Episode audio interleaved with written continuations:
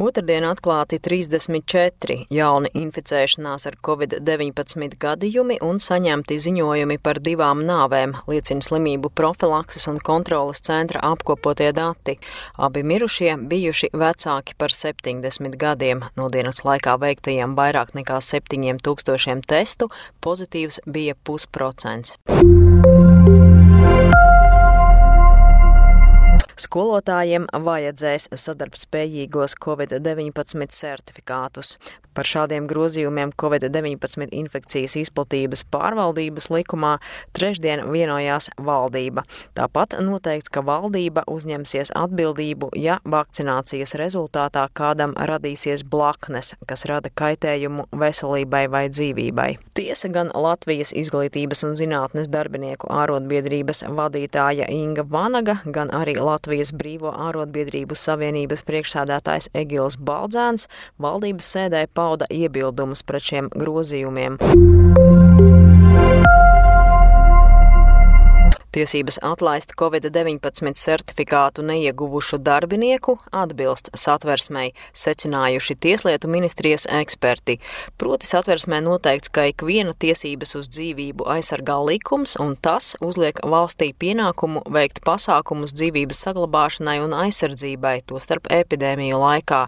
Satversmes 96. pants paredz tiesības uz privātās dzīves neaizskaramību, proti personai ir tiesības lemt par savu ķermeni, pieņemt pieņemt lēmumus, kas skar personas dzīvi un plašas iespējas to vadīt un veidot pēc saviem ieskatiem. Tomēr, saskaņā ar satversmes 116. pantu, iepriekš minētajā pantā noteiktās tiesības var ierobežot likumā paredzētajos gadījumos, lai aizsargātu citu cilvēku tiesības, demokrātisko valsts iekārtu, sabiedrības drošību, labklājību un likumību. Ekspertu viedoklis iekļauts Covid-19 infekcijas izplatības pārvaldības likumā likuma grozījumu anotācijā, ko trešdien skatīja valdība. Anotācijā uzsvērts, ka nav paredzēta obligāta vakcinācija. Citēju, neviena persona nedrīkst tikt pakļauta piespiedu vakcinācijai pretēji tās gribai, neatkarīgi no iemesliem, kas veido šādu gribu. Sociālajās tīklošanās vietnēs un arī tradicionālajos medijos rezonanci izsaucis valsts policijas lēmums atteikties uzsākt lietu pēc kādas ģimenes ārstes iesnieguma, kurā viņa vēstīja par saņemto piedāvājumu pret atlīdzību viltot kāda vīrieša Covid-19 vakcinācijas certifikātu. Krāslavā praktizējošā ģimenes ārste Marina Procevska portālam Delfi atzina, viņa 26. jūnijā saņēmusi elektronisku vēstuli no konkrēta vīrieša, kurš interesējies par iespēju, vai ārste varētu izdarīt ierakstus par veiktu vakcināciju pret covid-19 apmaiņā pret atlīdzību.